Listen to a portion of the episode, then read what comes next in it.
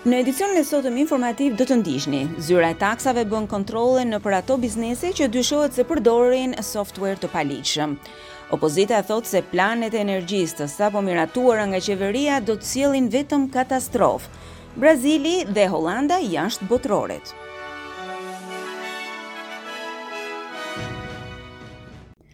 Policia dhe Zyra Australiane e Taksave kanë kontrolluar tridhjetë e pesë biznese në pesë shtete të ndryshme australiane, kjo si pjesë e një operacioni ndërkombëtar.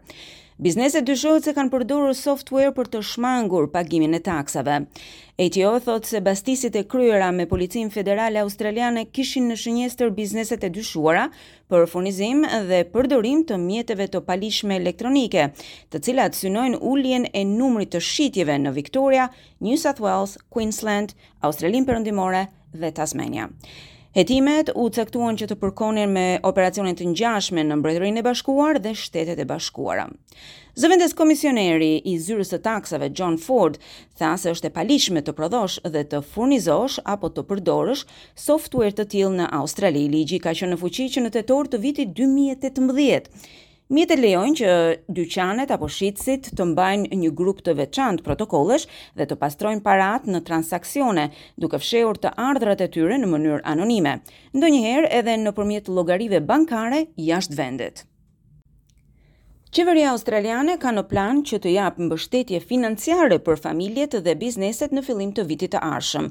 Kjo në formë ndihme për të përballuar rritjen e çmimeve të energjisë. Megjithatë, plani është sulmuar nga qeveria federale. Sipas planit të qeverisë, çmimet e gazit kufizohen në 12 dollarë për kilojoule me shitësit e gazit, të cilët do t'i nënshtrohen një kodi të detyrueshëm sjelljeje. Por ministri i Energjisë në opozitë, Ted O'Brien, i tha radios AW se kjo recetë është katastrofë. energy efficiency and solar for low income households. Çdokush që e ka idenë e lëndës ekonomike e di se ka kërkesë dhe ofertë e këto diktojnë çmimet e produkteve.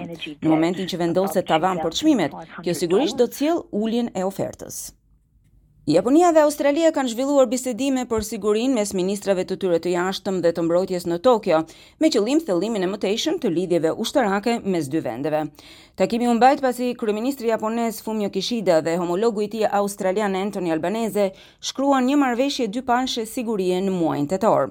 Zoti Marles tha në fjalën e hapjes së takimit se ishte e mundur që Japonia t'i bashkohej partneritetit strategjik AUKUS në momentin e duhur. Për të kundërshtuar kërcënimet në rritje nga Kina dhe Koreja e Veriut, Japonia ka zgjeruar partneritetin e saj të mbrojtjes me vendet në Indo-Paqësor, duke përfshirë këtu Australinë, vendet e Azisë Juglindore si dhe Europës. Operatori i dy kazinove në Queensland është gjobitur me njëqind milionë dollarë pas asaj që përshkruhet si shkelje masive.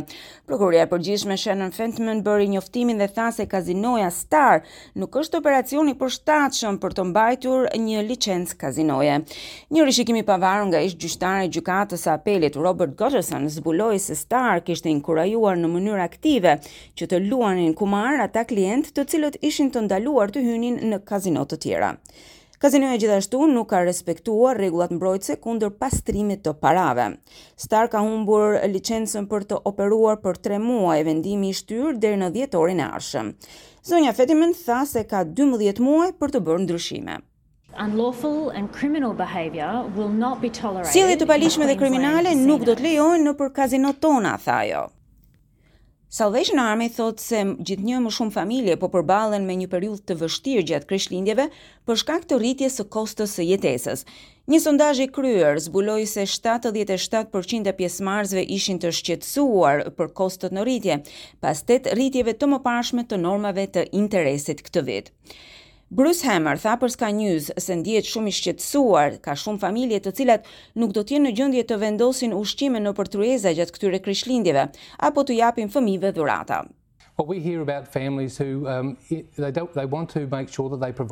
Kemi të dhëna se ka familje të cilat nuk janë në gjendje që të sigurojnë ushqim për fëmijët e tyre. Le të imagjinoni nëna e baballarë të cilët duan të kujdesen për fëmijët, e duan që t'i japin atyre një Krishtlindje sa më të bukur. e megjithatë nuk janë në gjendje të përballojnë ushqimet e lëre më pas dhuratat nën pemë.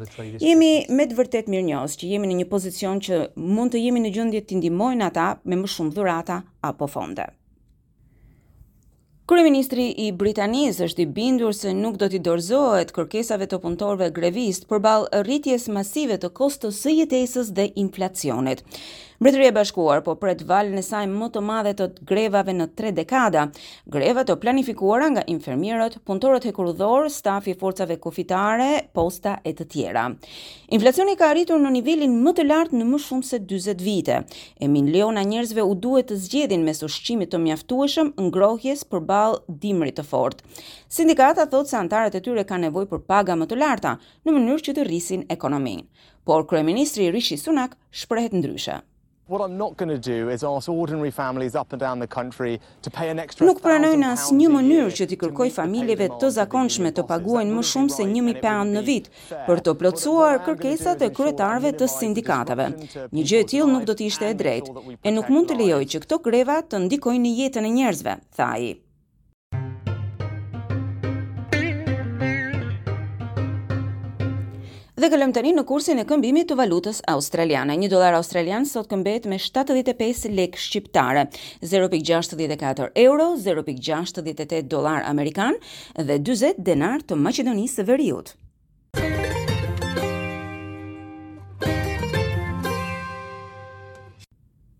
Kalojmë në sport, Brazili është eliminuar nga kampionati botëror në çerekfinale pasi u mposht me penalti nga Kroacia. Koha e rregullt u mbyll pa gola, ndërsa 30 minutat e shtesës u mbyllën 1 me 1. Pressure here on Marquinhos. It's 4-2 to Croatia. He needs to score this. First potentially decisive moment in this penalty shootout. Marquinhos! Oh, he's missed! Brazil are out! Rezultati përfundimtar ishte 4 me 2. Ndërkohë Argjentina mundi Holandën dhe kaloi në gjysmëfinale.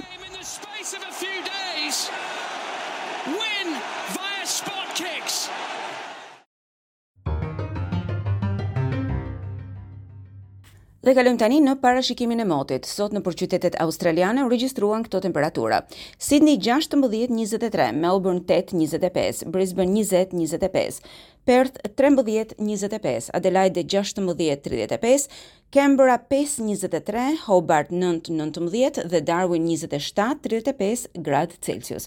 Për nesër byroja e parashikimit të motit sjell këto temperatura: Sydney katërmbëdhjetë njëzet e shtatë, Melbourne pesëmbëdhjetë njëzet e gjashtë, Brisbane nëntëmbëdhjetë njëzet e shtatë, Perth trembëdhjetë njëzet e tetë, Adelaide shtatëmbëdhjetë njëzet e pesë, Canberra shtatë njëzet e shtatë, Hobart dhjetë njëzet e dy dhe Darwin njëzet e shtatë tridhjetë e gjashtë gradë Celsius. Ndoqët edicionin informativ.